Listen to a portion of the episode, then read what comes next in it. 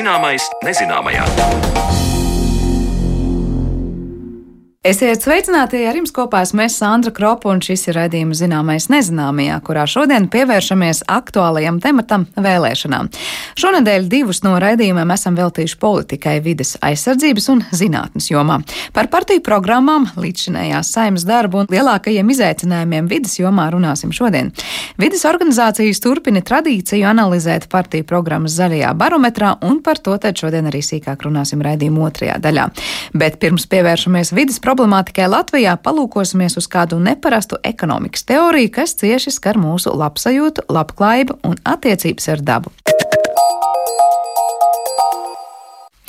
Degrowth, jeb latviešu sakot, neaugsme ir termins, ar ko apzīmē ekonomikas samazināšanos, nevis tās izaugsmi, proti pieticīgāku un ilgspējīgāku saimniekošanu. Vai šodienas sabiedrība, kas sasniegusi ievērojumu labklājības līmeni, ir gatava atteikties no liela daudzuma preču iegādes, paši audzēt pārtiku un lietot pēc iespējas ilgāk esošās preces, nevis pirkt jaunas? Par to Zanes Lācis Baltalksnes saruna ar Latvijas Universitātes biznesa vadības un ekonomikas fakultātes lektoru Mārtiņu Danuseviču. Idejai par neaugsmi sākums ir meklējams pagājušā gadsimta 70. gados, kad Rietumē Eiropas intelektuāļi, ekonomisti un vides aktīvisti sāka apšaubīt ekonomikas izaugsmi kā nebeidzamu procesu. Pēdējās desmitgadēs šīs idejas ir attīstījušās un briedušas, un neaugsmes pārstāvju provokatīvākais atzars pauž domu, ka turpinot līdzšinējo ekonomisko kursu, mēs ātri vien iztērēsim atlikušos mūsu planētas resursus. Vairāk par šo jēdzienu neaugsme, tās koncepciju un īstenošanu dzīvē skaidro Latvijas Universitātes biznesa vadības un ekonomikas fakultātes lektors Mārtiņš Danusēvičs. Pēc būtības šeit nemaz nav runa par to, ka mēs neejam uz izaugsmi. Te ir atkāpšanās no tās izaugsmes, kurai mēs pašlaik sekojam kurai mēs vēlamies sekot. Ja mēs esam pieraduši to, ka mums ir tā ekonomiskā izaugsme, par ko runā sabiedrība, ko pārsvarā runā arī politiķi, bet šī izaugsme ir atrauta no cilvēka dzīves kvalitātes izaugsmes. Proti, ja mēs esam pieraduši ikdienā sekot līdz tam, ka, kā aug valsts iekšzemes koprodukts. Tā ir kā tāda galvenā lampiņa, kas visu interesē. IKP aug vai krīt? Krīt, slikti, aug labi. Bet tas, ka IKP aug, nenozīmē, ka uzlabojās visu cilvēku dzīves kvalitāte. Tas, ka aug IKP, nenozīmē, ka uzlabojās vides stāvoklis. Tas nenozīmē, ka cilvēkiem kļūst pieejamāki teiksim, veselības aprūpas pakalpojumi vai izglītība. Reizēm tas to nozīmē, bet nevienmēr. Līdz ar to neaugsme vairāk koncentrējas uz šo ekonomisko mērauklu. Viņi saka, ka mums nav jāmēra mūsu sabiedrības izaugsme balstoties tikai pēc tīri monetāras izaugsmes. Viņi saka, ka mums būtu jāatsakās no šīs mērauklas un jāiet citos meklējumos. Nerunāt jau par vidas ietekmi, kas ir tam visam apakšā, jo IKP izaugsme iet roku rokā ar CO2 pieaugumu pārsvarā. Nevienmēr. Un kopumā viņi saka, ka, ja mēs gribam, lai mūsu planēta būtu ilgstoši apdzīvojama, Un, ja mēs gribam, lai visi sabiedrības slāņi un visos kontinentos cilvēki dzīvotu normāli, mums kaut kādā mērā ir jāatsakās no ekonomiskās izaugsmes un varbūt pat jāpakāpjas atpakaļ mazliet. Ja es pareizi saprotu, nu tā ir tāda diezgan pašaura, varbūt arī netik šaura taciņa, uz kuras vajadzētu balansēt, atteikties no daudzām lietām, pie kā nu, mūsdienu attīstītā, nodrošinātā sabiedrība ir pieradusi. Jā, lielā mērā jā. Es parasti jokoju, ka cilvēki saka, redz, cik slikti laiki, kaut lejupslīde. Es saku, nē, mēs esam apkārt pie normālā stāvokļa. Pirms tam bija izšķērdība. Un, principā, arī neaugsmes gadījumā. Nu, kas ir tās problēmas, kas mums pašlaik ir pasaulē? Mums ir klimata pārmaiņas, mums ir uh, dažādu populāciju izmiršana, arī teiksim, tāpat zivju krājums samazinās, vide tiek piesārņota, augsne noplicinās, resursi tiek iztērēti.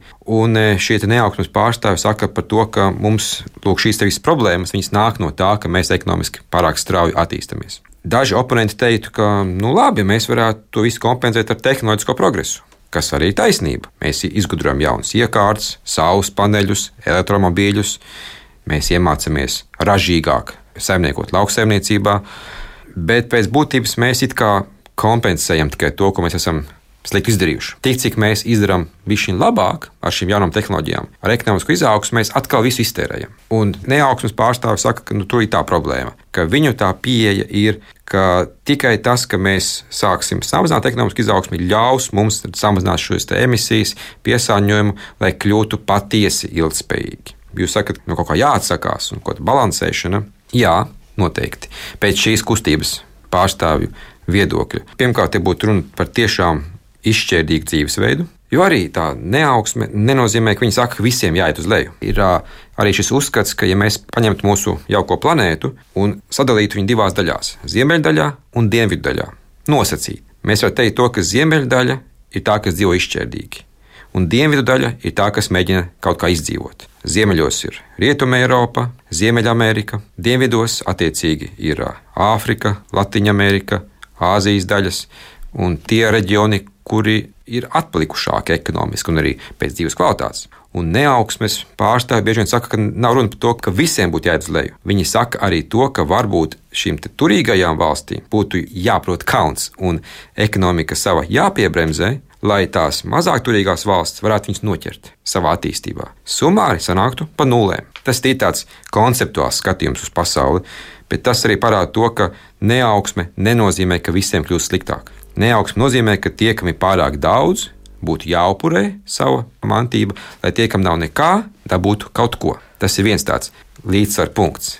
Man tagad jūsos klausoties nāk atmiņā kaut kas par komunistiskām idejām. Tā, tas ir viens no iemesliem, kāpēc neaugsmes varbūt idejas bieži vien tiek salīdzināts ar marksismu idejām, un tur ir daudz diskusijas, vai tas labi vai slikti. Tāpēc šī ir tāda tēma, kas ir slidena. Tā ir tēma, kas nav guvusi tādu plašu atzinību, jo daudzi baidās pārāk iet šajā ideoloģijā, jo te ir jautājums par ienākumu sadali. Un tā ir tēma, kas daudziem ir sāpīga tēma. Jo no vienas puses mēs sakām, jā, mums ir vēsturiskā mūsu atmiņa, kas pasaka, ka tas nav beidzies labi. No otras puses, šīs idejas arī ir aktuāls, jo pasaulē pieaug atkal sabiedrības noslēņošanās. Jautājums tikai, kādi ir tie instrumenti. Jo skaidrs, ka mēs nekādā gadījumā negribētu atkārtoties kaut kāda vardarbīga ienākuma pārdale, bet te ir runa par finansu instrumentiem, par nodokļu politiku, par kaut kādām izmaiņām starptautiskā tirzniecībā, lai palīdzētu tām valstīm, kas ir mazāk attīstītas, noķert attīstībā attīstītākās pasaules valstis. Neaugsme pagaidām ir tikai teorija. Praktiski tā nekur nav ieviesta, un daudzi to uzskata par utopisku ideju. Mārtiņam Danusevičam ir iespējas, ka neaugsmes atbalstītājiem pašiem nav skaidrs un vienotas programmas. Principā tas būtu tāds eksperiments, uz kuru neviens īstenībā nav gatavs. Jo bailes var būt par to, ka šāds mēģinājums piebremzēt ekonomikas izaugsmi, lai veicinātu kaut kādu sociālo labklājību un vides kvalitāti, varētu izraisīt kaut kādas ķēdes reakcijas. Mēs jau zinām, pēdējie daži gadi mums daudz ko ir mācījuši. Ne tikai to, ka karš vienā valstī var visu pasaules ekonomiku iedzīt dīvainos viļņos, ne tikai to, ka sikspārnis Ķīnā var izraisīt globālas problēmas, bet pat to, ka vienkārši kuģis Suēdzes kanālā spēja apstādināt pasaules ekonomikas kustību. Līdz ar to šādi eksperimenti, ja mēs pēkšņi nolēmtu mainīt ekonomisko modeli, kā darbojas pasaule, pie kādas novestu, nav īsti skaidrs. Tāpēc neviens negrib to mēģināt. Plus arī neviena sabiedrība nav īsti gatava atteikties no labklājības. Jo grūti būtu vēlētājiem pateikt, ka mūsu programma ir turpmāk dzīvot bez ekonomiskās izaugsmes. Tas nebūtu īsti no politiķa viedokļa sevišķi gudri. Tāpēc valstīs nav šāds prakses ieviestas. Protams, ka praktiskā līmenī parasti tās idejas, ko izplata neaugsmi pārstāvji, ir tādi standarta pasākumi, ko mēs zinām kā vidas aktīvistu ieteicamie pasākumi. Transportēšanas līdzekļu maiņa, vēlams uz sabiedrisko transportu vai velospēdu un tam līdzīgi. Te ir runa par ēšanas paradumu maiņu, atteikšanās no gaļas, kas ir ļoti CO2 emisijas būtiski radoša industrija. Principā viss tas, ko iesaka vidas aktīvisti. Bet tas ir vairāk individu līmenī. Protams, ka valstu līmenī arī būtu vajadzīga kaut kāda motivējoša mehānisma, jo cilvēki jau nav gatavi neko darīt tikai tāpat vien. Ne tikai labu motīvu vadīt, cilvēkam vajag arī kaut kādu kārdinājumu vai kaut kādu motivatoru. Tāpēc arī es uzskatu, ka, ja mēs gribētu, lai tiešām sabiedrība masveidā mainītu savu uzvedību un kļūtu ilgspējīgāka. Te būtu vajadzīgi principā valdības līmeņa kādi instrumenti, kas to visu regulētu ar nodokļu palīdzību, ar subsīdiju palīdzību, ar cenu politikas palīdzību, lai šādu vidē draudzīgu uzvedību padarītu cilvēkam ekonomiski interesantu. Ja mēs tagad to modelētu, vai tas izskatītos tā cilvēkam, kuram ir eh, plašāks mājoklis, jāmaksā divreiz vairāk nodokļu, luksus precēm ir lielāki nodokļi? Sevišķi mums, jā, luksus preces noteikti tas ir uh, viens no standarta piemēriem tam, no kā vēlās atteikties neaugsmes pārstāvi. Viss tas, kas ir luksus, kas ir ārpus tā, kas cilvēkam vajadzīgs ir priekš normālas dzīves, tas viss ir tas, kas rada šo arī būtisko ietekmi uz vidi. Jo principā jau lielākais skaitījums parasti nāk no tās sabiedrības daļas, kas dzīvo izšķērdīgi. Līdzīgi, ka, esmu, kā Skandinavijas valstīs, jau Ziemeļvalstīs, arī ir šie ļoti augstie nodokļi virs noteikta ienākuma līmeņa. Ja tu kļūsi ļoti bagāts, lūdzu, maksā ļoti daudz nodokļus. Un tā ir ienākuma pārdala, kas tagad jau faktiski Ziemeļvalstīs notiek, ka bagātais maksā ļoti liels nodokļus, kas tiek pārdalīti nabadzīgākai sabiedrības daļai. Un arī neaugsmes pārstāvi arī iestājas par šo universālo ienākumu, kā minimālo garantēto ienākumu cilvēkiem, neatkarīgi no tā, vai viņi strādā vai nē. Kas arī tāds jau desmit gadus veids eksperiments, kur daudz valsts mēģina, lai saprastu, vai tas būtu jaunais modelis, kas būtu labāks sabiedrībai. Jūs uzklausoties Mārtiņu, vai būtu pareizi teikt, ka tas eh, atslēgas vārds neaugsmēji ir mērenība? Es uzskatu, ka tas ir viens no atslēgvārdiem - mērenība mūsu dzīves stilā. Bet mērenība visos sabiedrības slāņos kā vienota ideja atkal ir utopija. Un vēl kā argumentu praktiskai neaugsmas ieviešanai Mārtiņš Danusevičs min visu pasaules valstu sadarbības nespēju. Ja neaugsme tiktu realizēta dzīvē, tad pietiktu ar vienu valsti, kas pārkāptu šos jaunieviestos diezgan radikālos saimniekošanas noteikumus, lai visa sistēma sabruktu. Un es domāju, ka arī paši viņas pārstāvi apzinās, ka šī ideja nav praktiski ieviešama. Jo tas tiešām nozīmētu arī pārāk lielu ekonomisku kritumu. Un arī tā problēma ir tāda, ka šīs idejas oponenti teiks arī to, ka, ja mēs aiziesim uz tādu neaugsmu, mēs riskējam ar to, ka pirmkārt var sākties lielpējoša spirāli. Uzņēmumiem samazinās apgrozījums, viņi sāk atlaist darbiniekus, darbinieki var mazāk pelna, viņi pārstāja pirkt preces, uzņēmumiem mazāks apgrozījums, sākās lielpējoša spirāli. Otrkārt, oponenti runā par to, ka šāda neaugsme var traucēt tehnoloģiskam progresam jo tas prasa būtiskas investīcijas. Un tieši ekonomiskā izaugsme ir tā, kas ir veicinājusi investīcijas jaunās tehnoloģijās. Un daudz arī teikt, teiksim, ekonomisti, ka, jā, ka tieši izaugsme ir tā, kas ļauj cīnīties ar vidas problēmām. Ja mūsu ekonomika aug, mēs izgudrojam jaunas tehnoloģijas, kas mums ļauj novērst tās problēmas, kuras mēs paši pirmīt radījām. Un daudzās tās attīstītās valstīs tiek novērota tā tendence, ka pieaugot IKP vēl vairāk, jau attīstītās valstīs, viņiem sāk kristies CO2 emisijas. Viņi var atļauties tīrākas tehnoloģijas, tīrākas ražošanas iekārtas, tīrāku transporta veidu un tam līdzīgi. Bet visur ir koks ar diviem galiem. Bieži vien izrādās, ka šīs valsts vienkārši piesārņojošo darbību ir eksportējušas uz nabadzīgām Āzijas vai Āfrikas valstīm, kas atkal visu šo bildi izjauc. Nu, jā, tāpēc abās pusēs būs viedokļi par un pret, un atbildes pareizās es uzskatu, te vienkārši nav.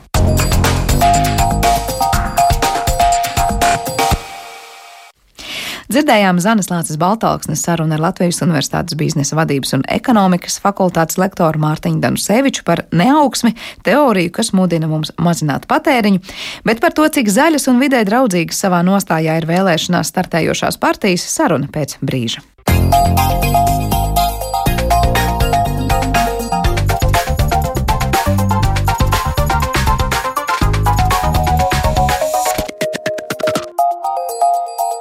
Zināmais, nezināmajā.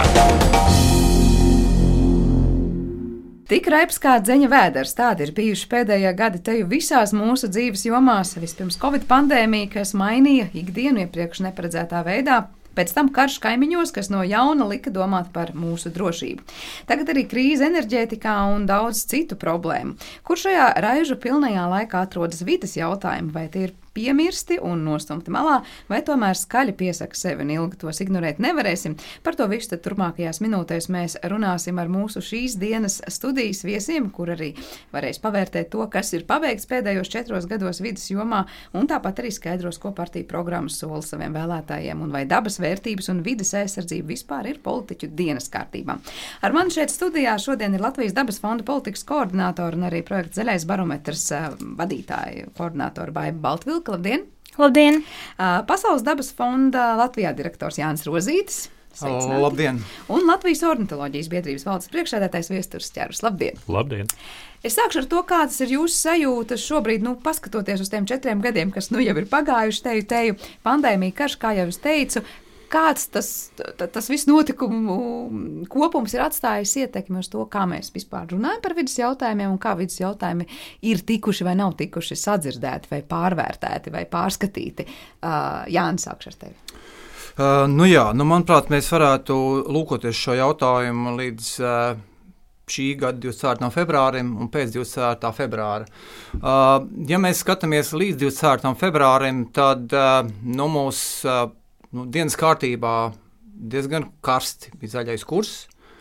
Un tieši tas ir varbūt radījis sācinājums Latvijā lēmumu pieņemšanas procesā vai nepieņemšanas procesā. Uh, jo, nu, diemžēl, lūkojoties uz pašreizējiem, nu, pašreizējo saimnes darbu, uh, nu, ir maz jautājumu, kas ir ienesti proaktīvi no saimnes deputātiem, arī no valdības ministra kabinetā uh, vidas jomā. Vairāk tās ir reakcijas un kaut kādas nu, nu, viedokļi saistībā ar Eiropas zaļo kursu.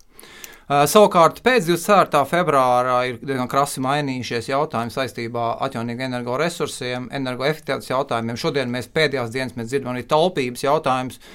Nu, tie ir jautājumi, kas ir ienākuši dēļ šiem kara apstākļiem, un kur tur nu, mēs gribētu teikt, ka nav tik tieši saistība ar vidas jautājumiem, kā vairāk tie ir socioekonomiski jautājumi, mūsu ģeopolitiskās vajadzības. Uh, Un beidzot, beidzot eh, mūsu vēlme būt neatkarīgiem eh, saistībā ar energoapgādi.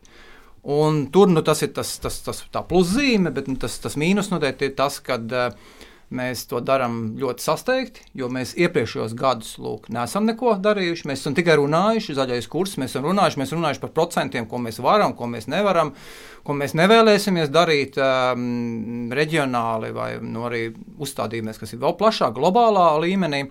Uh, bet uh, nu, mēs neesam neko praktiski sākuši darīt. Un tagad, nu, beidzot, mums tagad, dažos mēnešos jāizdara daudz praktiskā darba, kas noteikti rada riskus mums, ka mēs nonāksim kaut kādās atsitienos saistībā ar vidas kvalitātēm. Un, protams, ka tas vēl, vēl viena lieta, ko es vēlos pieminēt pēc 24. februāra, protams, ka tas ir radījis arī jautājums par dabas resursu izmantošanu, jo uh, Situācija Krievijā, Baltkrievijā, Ukrainā, protams, ir radījusi dažādus jautājumus, izaicinājumus Latvijā saistībā ar dabas resursu importu, tālākai pārstrādēji.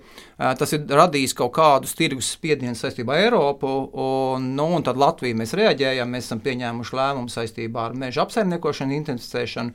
Ir visu laiku diskusijas, kā attīstīsies lauksaimniecība. Nu, nekas labi nesagaida arī zivsaimniecība. To, nu, tur mēs esam noteikti aizgājuši pretrunās ar šo zaļo kursu un tā zaļā kursa vērtībām. Jā, par to, kā izskatās zaļais kurs, arī skatoties uz nākamajiem četriem gadiem, mēs parunāsim. Viestur, es zinu, ka tev arī ir ko teikt. Mēs esam nevienā vien raidījumā par šiem gadiem tikušies un runājuši par to, kas notiek vidus jomā. Jā. Ir, ir lietas, ko pateica Jānis, kas tiešām ir mainījušās. Pēc 24. Eh, februāra mēs vairāk runājam par eh, enerģētisko neatkarību, par to, kā mēs iegūstam enerģiju tas, kas man liekas satraucoši, ir tas, ka acīm redzot, eh, partijas absolūti neko nav mācījušās no šīs situācijas. Eh, jo es, eh, nu, tā kā vidas jautājumos partiju programmās lielā mērā svilpo vējš, es esmu paskatījies arī, kā viņas izpaužas dažādos citos fórumos. Un, teiksim, paldies LSM, kas ir savā partiju šķirotavā iekļāvuši dažus jautājumus par vidi. Un viens no tiem ir, vai vajadzētu atlikt klimata pārmaiņu mazināšanas pasākumus, lai mazinātu enerģijas cenas. Un, no tām vadošajām partijām lielākā daļa, ja es pareizi atceros, piekrīt tam, ka tos klimata pārmaiņu mazināšanas pasākumus vajadzētu atlikt. Un tas man liekas par, liecina par pilnīgu nespēju tvert kopējo lielo bildi, jo tas, ka mums lēta enerģija ir svarīgāka par visu pārējo, par ilgtermiņa redzējumu. Tas ir iemesls, kāpēc mēs tagad esam tur, kur esam. Tajā, ko mēs saucam par, par enerģētisko krīzi. Ja mēs jau sen būtu domājuši, kā mēs atteiksimies no fosiliem resursiem, kas nāk no Krievijas, tad, tad mēs šajā situācijā šobrīd vairs nebūtu. Un, kā, jau redz, kā jau teicu, šis ir punkts, kur acīm redzot, pilnīgi nekāda mācība nav, nav gūta. Uh, Bet uh, attiecībā uz dabas aizsardzību, kas ir galvenokārt uh, mans uh, lauciņš, tad es teiktu, ka tur fundamentāli nekas nav mainījies.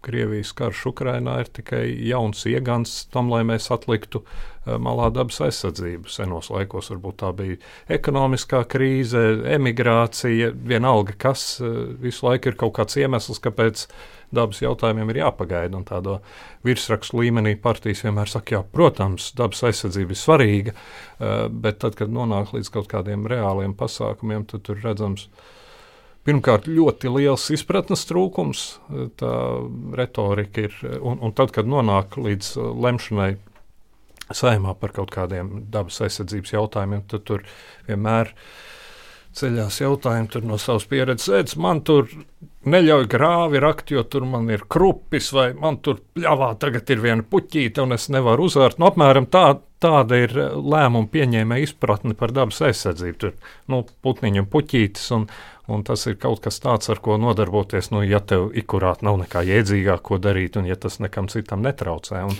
un tas, diemžēl, nav mainījies. Jā, to es biju prasīt, vai ir sajūta, ka kaut kas tur ir mainījies. Atbildēja tikko viesturs, bet eh, vaiba kāda ir tā sajūta par to, kas ir vai nav mainījies, jo es saprotu, to, ko saka partijas šobrīd, ir nu, diezgan detalizēti paskatīties. Mm -hmm. Jā, nu, man ir žēl redzēt to, Eh, kā faktiski tas zaļais kurs tiek noreducēts, ko jau man kolēģi, īpaši Jānis, ieskicēja, līdz klimata neutralitātes mērķu sasniegšanai. Un ir pilnīgi atstāta novārtā dabas aizsardzības, bioloģiskās daudzveidības un dabas ilgspējīgas dabas resursu pārvaldības jautājumi. Bet faktiski publiskajā diskursā mēs redzam, ka partijas mums mēģina pārliecināt, ka zaļais kurs ir nu, faktiski mums jāsasniedz klimata neutralitātes mērķi. Pie tā lielākā daļa partija arī uh, mēs uh, gūstam to pārliecību, arī varētu pieturēties nākotnē, bet uh, uz tā rēķina, ka tiek zaudētas būtiskas dabas vērtības. To ļoti žēl redzēt, un vēl ko ļoti žēl bija uh, redzēt, un kas tā, tāds, varētu teikt, mīts tiek uzturēts arī no politisko partiju puses. Tas mums maksā ļoti dārgi. Un ir ļoti žēl noskatīties, ka partijas teiksim, to izmaksu aprēķina ļoti brutāli, paskatoties, cik konkrētajā konkrētajā laikā, eh, konkrētajā laika sprīdī, ka šodien tas mums maksā vai nemaksā. Bet neskatu to visu kopumu, cik tas mums maksās, maksās pēc pieciem, desmit gadiem, kādi tas viss, cik, cik viss kopā tas maksās. Jo, protams, tas, ko mēs šobrīd nodaram dabai, tas mums atsauksies gan uz mūsu dzīves kvalitāti, gan, mūs, gan uz mūsu veselību nākotnē. Un, uh, tā ķēde patiesībā nav pat tik gara, tas ir diezgan tieši ietekme, un tas vispār netiek ņemts vērā. Mums tiek elektorātam, vēlētājiem tiek eh, uzturēts tas mīts un tiek uh, Mēs mē, mūs mēģinām pārliecināt, ka tas ir ļoti dārgi. Bet dārgi tādā ziņā, ka dārgi pāriet, es nezinu, uz atjaunīgiem energoresursiem, dārgi izveidot aizsargājumu teritoriju. Par ko ir? Jā, dārgi. Mēs nevaram atļauties um, aizsargāt tik lielā mērā dabu, kā, piemēram, uh, Latvijas sabiedrība to vēlētos. Sabiedriskās aptaujas mums apliecina to, ka Latvijas sabiedrība vēlas aizsargāt dabu. Mēs pat esam uzdevuši jautājumu par to, vai uh, Latvijas sabiedrība ir pret intensīvāku meža ciešanu, pat ja tas samazina budžeta ieņēmumus šobrīd un lielākā daļa vēl joprojām ir pret intensīvāku meža izciršanu. Lūk, un tiek uzturēts tā, tā, tā, tā, tas narratīvs, um, ka mēs to nevaram atļauties. Mēs nevaram atļauties aizsargāt dabu, jo mums ir uh, nepieciešama koku materiāli, lai, uh, lai risinātu uh, šodienas krīzi, kas, protams, ir patiesa, bet um, teiksim, tāds ilgspējīgs politikas kontekstā uh, politiķiem būtu jāvērtē tās izmaksas ne tikai šodien, bet arī tās, kādas būs pēc pieciem gadiem, pēc desmit, pēc piecpadsmit un ilgāk. Un mēs maksāsim daudz vairāk, ja mēs šodien panikā, darām kaut ko tādu, eh, kas patiesībā pat arī, kā mēs varbūt detalizēti runāsim, nemaisnīs pat nekādu, nu, teiksim, nelisinās tās problēmas, kas, eh, kuras pat nu, piesaka risināt. Jā. Mm. Tas, ko viesurs teica, kad eh, nav mainījies tas, vai partiju vai politiķu galvās, liekas, tā bilde ir kļuvusi skaidrāk par to, kas būtu jāmaina. Viestur tā, kam bija. Jā, es gribēju pieminēt par, par divām lietām, vai atgādināju par, par mežstrādi, kas Eh, nu, tu teici, atskatīties uz četriem gadiem, un var atskatīties uz tiem četriem un paskatīties, kas tiek solīts nākamajiem četriem. Un ir divi uh, interesanti piemēri. Uh, viens ir ciršanas intensitāte, un tur atkal ir uh, LSM partijas šķirotavā. Pirmais jautājums ir, vai jūs uzskatītu par attaisnojamu intensīvāku mežu vai plašāku mērogu mežu izciršanu, ja tas veicinātu uzņēmējdarbības attīstību.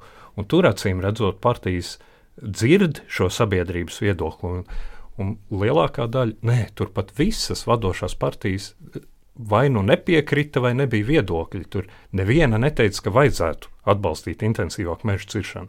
Lai gan burtiski pirms pāris mēnešiem eh, šajā, šajā vasarā tika pieņemts lēmums izdarīt tieši to, ļaut intensīvāku meža ciršanu ar, ar dažādiem ekonomiskiem apsvērumiem. Otrs, kas ir svarīgi dabas aizsardzībai, ir kompensācijas meža īpašniekiem un nu, zemju apsaimniekotājiem vispār. Un tagad arī visas partijas. Eh, jā, protams, mums vajag labākas kompensācijas meža īpašniekiem un zemkopības ministrijas pārstāvjiem. Tur vispār nav variantu. Protams, ka vajag. Un tas ir atkal, acīm redzot, paļaujoties uz to, ka šie meža īpašnieki vai nu neseko līdzi, vai paļaujas vienkārši uz partiju pārstāvju teikto, jo mēs redzam, uh, nesen tika izstrādāts un vēl nav līdz galam apstiprināts, laikam, kopējās lauksaimniecības politikas strateģiskais plāns Latvijā. Kur tā pati zemkopības ministrija, kas tagad mirdzošām acīm saka, ka vajag labākas kompensācijas, paredzēja to, saplānoja naudu tā, ka pat esošajām kompensācijām naudas nepietiek visiem gadiem, nerunājot par kaut kādu palielinājumu. Un arī pārējās partijas pretēji vidas organizāciju iebildumiem ir laiduši to cauri. Tā kā šīs kompensācijas meža izciršana tagad nākotnē, jā, mums būs kompensācijas, mēs neļausim intensīvāku meža izciršanu, lai gan tas ir tas, kas burtiski nu, pat ir izdarīts. Es pareizi sadzirdu, ka patiesībā lēmums ir pieņemts, un tagad visiem ir ļoti izdevīgi runāt, ka mēs to nepieļausim, lai gan patiesībā jau viss ir izdarīts. Un šobrīd tā ir tāda nu, mēģināšana no sevis uh, pataisīt labāku nekā, nekā ir. Lai gan patiesībā nu, viss jau ir nolemts. Neviens uh, es neesmu tik optimistisks. Es domāju, ka arī nākamajā saimā gan jau būs mežiem kaitīgi lēmumi. Es domāju, ka šobrīd tas ir vienkārši vēlētāju ķeršana uz muļķi. Mm -hmm. uh, nu, es gribētu teikt, ja, ja mēs esam tagad aizrunājumies par mežiem, tad no nu, mūsu pēdējā diskusijā, ko mēs organizējam tieši zaļā barometrā kontekstā, tad nu, vismaz divas partijas no četrām, ko mēs uzrunājām tajā reizē, norādīja par to, ka nu, milzīga problēma, labi, tas, kas noticis, tas noticis, bet milzīga problēma ir plašās kailcirts, un iespējams būtu jāmaina tiesiskais regulējums, būtu jāmaina, jāmaina politika, lai mazinātu šīs ietekmes, un tās ir tādas nu, divas partijas, kas teorētiski varētu arī būt saimā. Bet es domāju, ka mēs pēc tam noteikti uzdosim arī zaļā barometra kontekstā diskusijā jautājums, vai iespējams šos noteikumu grozījums atcelt kas bija 22. jūnijā uh, kabineta noteikumi par jaunāku meža ciršanu. Uh, nu, nekas jau nu, noteikums mēs paši apstiprinām un, un, un virzam. Nevienam neliedz uh, šos noteikumus atgriezt atpakaļ un mainīt, mainīt atpakaļ. Te jautājums ir, nu, cik kāds būs tas patiesais. Uh, Nu, es gribētu teikt, politiķu un, un partiju spēks, vai to izvērtēt un iespējams atgriezt atpakaļ. Vai arī nu, nākt ar milzīgiem jauniem kompromisiem vai spēcīgām prasībām dabas aizsardzībā. Tur ir nu, dažādi šie ceļi. Tā kā mēs domājam, ka mēs vēl sagaidām, ka šie jautājumi ticamāk turpināsies dienas kārtībā. Bet, bet runājot par, ja mēs tā paskatāmies, kā tā tendence ir par pagātni un nākotni. Uh, Tad es pat gribētu teikt, ka eh, pirms četriem gadiem eh, daudzas partijas, eh, arī individu un partijas līmenī, peldēja uz tādu nu, tiešām saukļiem, jā, klimats, daba, vide svarīgi. Par šiem četriem gadiem būtiskais ir ienācis zaļais kurs, kas jau skaidri pasaka, ka būs jāsāk reāli strādāt. Mēs nevarēsim tikai un vienīgi strādāt lozungiem. Un tagad šajā reizē jau, jau, jā, jau jāsāk kaut kas solīt, ka tu kaut Konkrēts, ko darīsi. Tur varēs pieķert tev pie pirkstiem, vai tu tikai runā, vai tu tiešām kaut ko darīsi kopējās sabiedrības labā, uh, vīdes kvalitātes uzlabošanā. Pavisam maz piebildīt par to zaļo kursu. Tā ir laba indikācija tam, ka tie saukļi nav no sirds domāti. Tāpēc, ka visu laiku, kad ir saukļi, jā, sargāsim dabu un klimats un tā tālāk ir svarīgi, bet zaļais kurs no partiju kandidātiem lielākoties tiek pasniegts kā kaut kāds drauds. Ko, nu, tagad šitais nāk, tagad mums jādomā, kā pret to pēc iespējas cīnīties. Pasargāt sevi. Nu, šo mēs varam vēl kā teikt. Par zaļo kursu, starp citu, es gribēju jā. arī runāt. Es jā. saprotu, ka es daudz gribētu dot vārdu arī baibai vispār izstāstīt, kādā konkrēti, nezinu, kategorijā tiek vērtētas partijas zaļajā barometrā, bet droši vien, nu, lielās līnijās mēs to šobrīd jau saprotam. Tie ir konkrēti jautājumi par vidi un ar vidi saistītas uh, lietas. Par zaļo barometru es saprotu arī tajos secinājumos, mm, ir bijis, ka zaļais kurs patiesībā tiek vērtēts nu, katrā partijā, kā nu kuram ir izdevīgi, uz kuru pusi pavelkam. Ja viens paņems tur tikai klimata neutralitāti, cits varbūt vēl kaut ko, un tā lielās līnijās, un tā pamatoti un līdz galam. Zaļo kursu vispār savā programmā ietver politiskās partijas nu, tā adekvāti un, pat, un, un pamatoti. Nu, viens secinājums, kas uzreiz tā pamanāms, tad viena lieta, kas ir pamanāma, Zaļais kurs, ievērosim zaļo kursu tik tālu, cik tas ir Latvijas interesēs. Vai šāds, šāds, jā, precīzāk. Es saprotu, šis ir domāts vēlētājiem, kurš ir nobežies par to, ka Eiropa kaut ko uzspiež, ka tas nav kaut kas pretēji mūsu interesēm un Latvijas nacionālām interesēm un tam līdzīgi. Zaļo kursu, zaļo kursu atsaucas diezgan daudzas partijas. Par, klima, par, par energoefektivitāti, par enerģijas politiku, protams, runā te jau katra partija.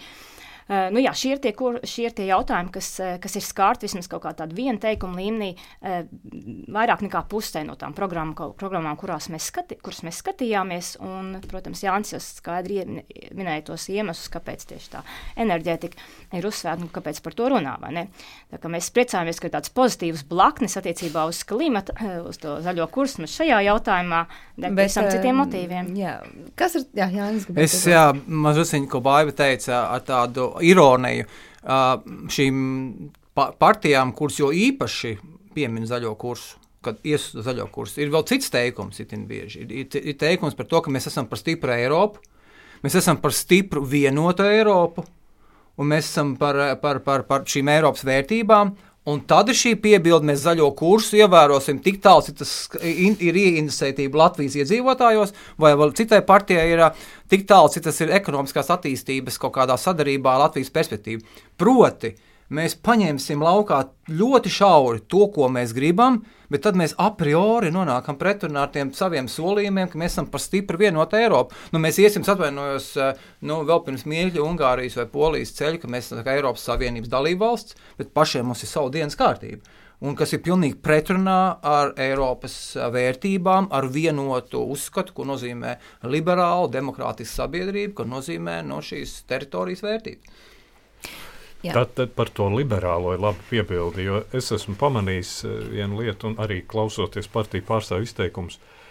Interesanti, ka vismaz daļā no partijām tiek kultivēts priekšstats, ka uh, vidas aizsardzība tā ir tāda liberāļu stēle. Lai gan, protams, ir arī, eh, nu, mēs visi pazīstam arī konservatīvus cilvēkus, un tas patiesībā būtu ārkārtīgi loģiski, ka konservatīviem cilvēkiem gribētos saglabāt Latvijas dabu.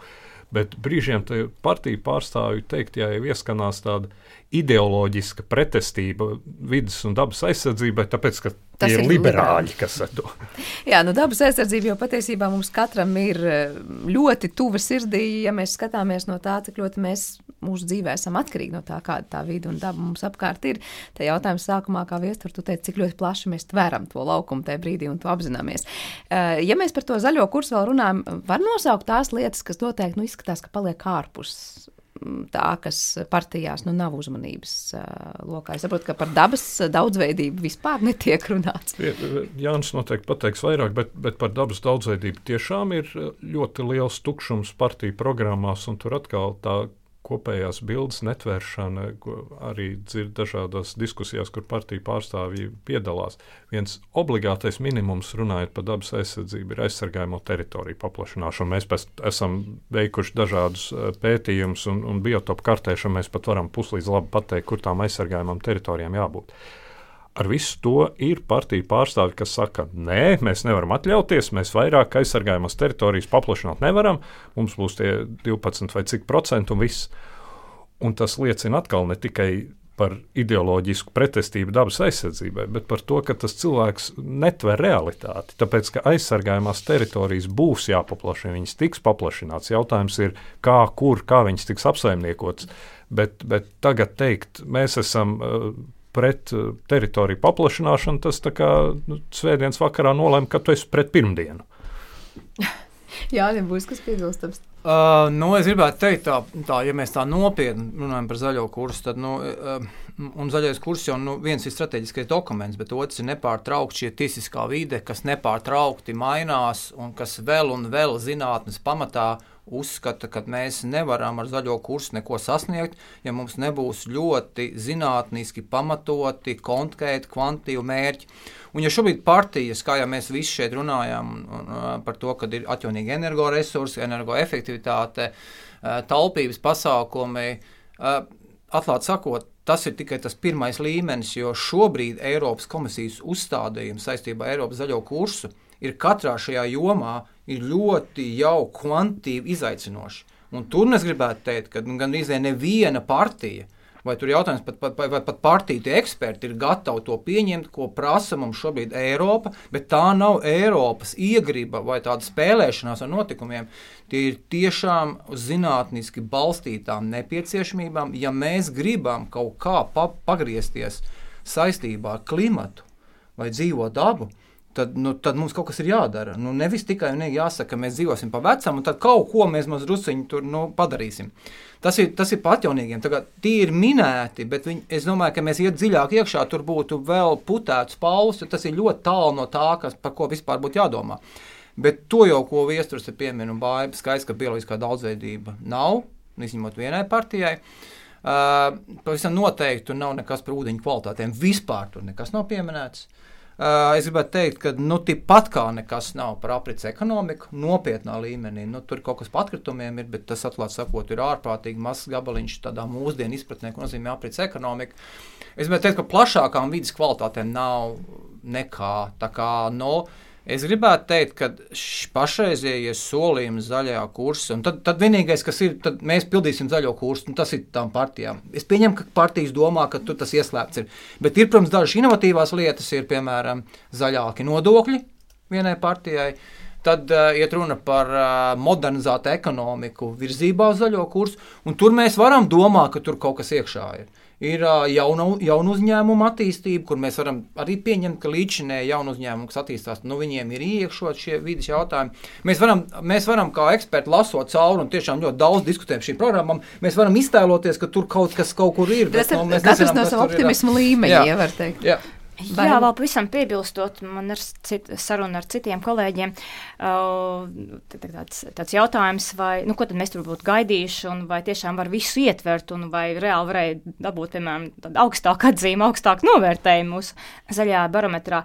Es gribu minēt to, ka mēs tiešām skatījāmies tādiem saturīgiem, cik, cik ir tādu saturīgu, pēc iespējas saturīgāku, kodolīgu tad, apgalvojumu un tādus, nu, teiksim tā, šādu kodolīgu apgalvojumu izstrādēji nevajag daudz uh, vietas, tā, lai dabūtu augstāku novērtējumu attiecībā uz partijas programmu vai, uh, vai tam līdzīgi. Tad patiesībā tai partijai vienkārši būtu uh, kodolīgāk jā, jānoformulē galvenās lietas, ko attiecībā uz ko viņi domā, kād, kādā veidā Latvija tālāk virzīsies zaļā kursa virzienā. Tā, tas bija iespējams, bet to mēs ļoti neredzējām šajās partiju programmās. Arī nu, teiksim, tajās partijās, kurās mēs domājam, ka mēs to redzēsim.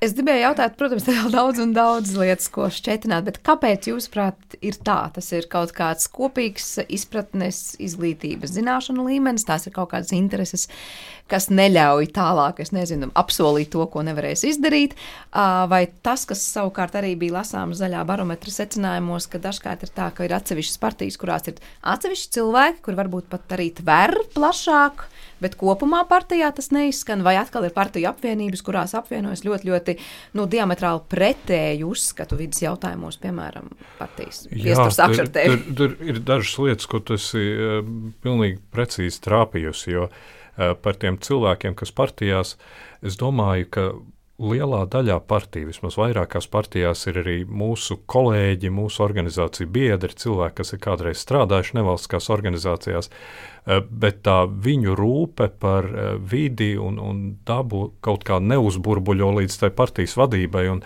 un man ir sajūta vienkārši, ka varbūt tajās partijās kopumā, un varbūt reizēm arī viņiem pašiem šķiet, ka tās rūpes par dabu ir tāds nu, īpatnējs hobijs. Un, Luksus, ja. un, ja tu teiksim, nu, kāds partijas biedrs krāja markas, nu, tāpēc nebūs partijas nostāja, mēs attīstīsim filatēlismu Latvijā. Uh, un otrs ir, kāpēc uh, partijas dzīvo tik atrauti no, uh, no realitātes, ko Jānis jau minēja. Man šķiet, es nevaru spriest par citām valstīm, varbūt Latvija ne tuvu nav unikāla, bet bet man šķiet, ka Latvijā lēmumu pieņēmēji ļoti dzīvo zem tāda biznesa lobby spilvēna. Un, un tāpēc tiešām brīžiem klausoties, viņas rodas sajūta, ka tur pārējā pasaule degs liesmās un mēs spēlēsimies zaļā pļaviņā ar vienradžiem. Respektīvi, neuztver to realitāti, varbūt kaut kādus politiskos notikumus no pārējās pasaules uztvert caur tādu lobby filtru, un tāpēc ir tā sajūta, ka zaļais kurs ir kaut kāds bubulis, kas tagad veļās uz Latviju. Uh, bet, teiksim, par, par to, kas ir skaidrs zinātnē, par zinātnieku secinājumiem. pilnīgi nekādu zināšanu. Tāpēc, tāpēc ir tā izpratne par bioloģiskos daudzveidības saglabāšanu, ka tur atlido ērglis, atnāk inspektors, uzvelk liegumu, un man tagad ir problēmas. Nav, nav skaidrs, kāpēc mēs vispār bioloģisko daudzveidību eh, sargājam. Un, Un, protams, mēs nevaram gaidīt no deputātiem, ka viņi bursies cauri zinātniskiem rakstiem, bet, bet nu, mēs varam cerēt, ka viņi klausīsies zināmais nezināmajā vismaz laiku pa laikam. Viņiem ir eksperti arī diezgan tuvu pieejami un padomnieki un daudz kas cits, kas varētu sniegt šos padomus. Jā, tās redzējums. Uh, nu, es arī mēģināšu ļoti ātri, mums raidījums iet uz beigām un nav mums laiks iespēja gari izplūst, bet uh, es gribētu teikt tā tiešām tas, kāpēc tas tā ir un, un atklāt man relatīvi daudz sanāk sarunāties ar dažādu partiju deputātiem. Uh, un kur ir skaidri norādījuši par to, ka viņi nevar dabūt savas partijas uh, dienas kārtībā šos jautājumus augstāk, tikai tāpēc, ka uh, nu, ir bailes, ka nevienam tas neinteresē vai arī tieši, tieši tas var radīt atsitienus no kaut kādiem citiem lobbystiem, kuri var radīt kaut kādas ehm, nu, sabiedrisko attiecību nu, melnos kampaņas tieši pret šīm aktivitātēm. Un tas tiešām nav runa par vienu cilvēku kādā partijā, bet tur nu, tām ir vairākām partijām, ko es esmu dzirdējis un ko tiešām man ir izteikuši, izteikuši paši partijas biedri. Bet tas, ko Viestures teica, tas vēl tik liek padomāt eh, nu, mums eh, mazāk par mēnesi pirms vēlēšanām. Nu, neskatieties tik uz cilvēkiem partijās. Varbūt ļoti zinoši, tiešām bijušie vides vai esošie vides sektora cilvēki. Neskatieties tikai uz cilvēkiem, skatieties uz partijas uzvedību kopumā. Šie cilvēki var būt ļoti gudri, spēcīgi savā jautājumā, bet apstāties ar kādiem citiem cilvēkiem viņi vienā sarakstā ir. Un pēc būtības, kāds ir tas kopējais, kopējais šis partijas vai apvienības nu, kopējais ziņojums. Un nevaram sagaidīt, ka tur var būt spēcīgi. Nu, partijā spēcīgi vides eksperti, bet tāpat laikā uh, kaut kur nāk ziņa par to, ka mums jāatsakās no, no, no zaļā kursa vispār. Nu, ko mēs varam sagaidīt? Ne jau šie atsevišķie cilvēki kaut ko mainīs uh, partijas lēmumos vai balsojumos. Līdz ar to es tiešām teiktu, esiet kritiski. Ja jums tiešām rūp šis jautājums, esiet kritiski uh, un nevērtējiet tikai vienu individu, vērtējiet eh, ko, ko, kopumā partijas līdzinēju uzvedību un, un šos nākotnes solījumus. Baiba, droši vien arī būs ko piebilst. Mums jau pašā raidījuma noslēgumā, te var teikt, no Jāņa izskanēja viens tāds ļoti praktisks padoms un ieteikums, kā vēlētājiem pirms tam kārtīgāk, labāk mm, izvērtēt, eh, kam pievērst uzmanību, jo es saprotu, ka pieredze ir skatoties cauri šīs programmas diezgan liela, vai ir kāds padoms, ko noteikti aicināt klausītājus likt aiz auss? Nu, par tādu vienu padomu nu, grūti minēt, jo, protams, tas atkarīgs no tā, cik lielā mērā vēlētājs ir sekojis līdz politiskajiem procesiem, cik lielā mērā vēlas iedziļināties, vai vēlē uz emocijām vairāk, vai vēlē tā racionāli izvērtējot. Ja vēlē uz emocijām, tad tomēr es vēlētos uh, aicināt, varbūt um, lūgt padomu kādam kādam cilvēkam, kas, eh, kas ir uzcības persona šim vēlētājam, un tādu, tādu īsceļu veidot, un, un pajautāt, tad, kurš būtu, kur būtu tā profesionālākā partija, um, un kur būtu tāda visatbilstošākā šī vēlētāja nu, vērtībām. Ja tā racionāli vērtē, tad, eh, tad jau, protams, šis vēlētājs ir eh, sekojis līdzi un zina gan to diskursu, gan to narratīvu partijas, un droši vien varbūt ielūkojas arī pat programmā. Uh, grūti, grūti dot tādu konkrētu padomu, bet uh, nu, par vidas jautājumiem, jā, nu, teiks, teiksim, es varu aicināt, kā mēs aicinām, izvērtējiet savas vērtības. Un tad skatieties, kas, teiksim, tā, kas būtu pieņemams partijas. Jo droši vien, ka tā nav tikai viena partija, tās ir viena, divas vai trīs partijas, par kurām būtu vēlētājs šobrīd domā, kurām balsot. Un tad skatieties, kur no šīm partijām, ja jums rūp vidas jautājumi, kur no šīm partijām ir tā kā zaļākā, saskaņojot tos ar savām vērtībām. Bet tas, ko Viestura sākumā teica, nu, svilpo vērš tajās programmās attiecībā uz vidas jautājumiem, kaut ko tomēr salasīt var. Atrast Jā, t, t, tas, ko es gribēju piebilst to pašā beigās, es nākot uz redzējumu arī domāju tieši par to, ja cilvēkam rūp vide un ja viņš klausās mūsu šeit, tad, tad rodas sajūta, ka īsti nav par ko balsot, un tad nonāk līdz tam, vai vispār ir vērts iet uz vēlēšanām un tā tālāk. Uh, un, uh, tāpēc es gribēju uzsvērt, ka noteikti, noteikti ir jāiet uz vēlēšanām. Uh, tāpēc, ka eh, iemesls, kāpēc mēs vispār varam diskutēt par vidas jautājumiem, kritizēt lēmumu pieņēmējus un tā tālāk, ir tas, ka mēs dzīvojam eh, tiesiskā, demokrātiskā valstī. Un, Eh, un mēs redzam no partiju piedāvājuma, ka ir partijas, kas iestājas pret tiesiskumu, pret eh, demokrātiju un pret valsti. Un tās ir eh, fundamentālas lietas, un, un tas var būt galu galā izšķirošāk pat par partijas nostāju meža ciršanas jautājumā. Tā kā ir, ir jādomā par šīm lielajām lietām un noteikti vēlēšanās jāpiedalās. Jā, bet arī tas, ka tās vidas lietas tur varbūt ir nu, mazāk nekā gribētos pārstāvētas, tomēr ir vērts skatīties, iet cauri un atrast tomēr savām vērtībām nu, to tuvāko. Ja ne ideālo, tad tuvāko. Paldies jums visiem par šo sarunu. Es atgādināšu, ka šajā redzījuma pusstundā mēs bijām kopā ar Latvijas dabas fonda politikas koordinātoru un arī projekta Zaļais barometrs koordinātoru Baibu Baltvilku, Pasaules dabas fonda Latvijā direktoru Jāni Rozīti, kā arī Latvijas Paldies. ornitoloģijas biedrības valsts priekšsēdētāju Viesturs ķērus. Ar to arī raidījums ir izskanējis. Paldies par to producentē Paulai Gulbinskai. Skaņu režijā bija Elizabete Šaicāna, ar jums kopā šeit studijā Sandra Kropa, bet par mūziku šai stundai gādāja Girds Bišs. Mēs tiekamies jau pavisam drīz. Visu labu!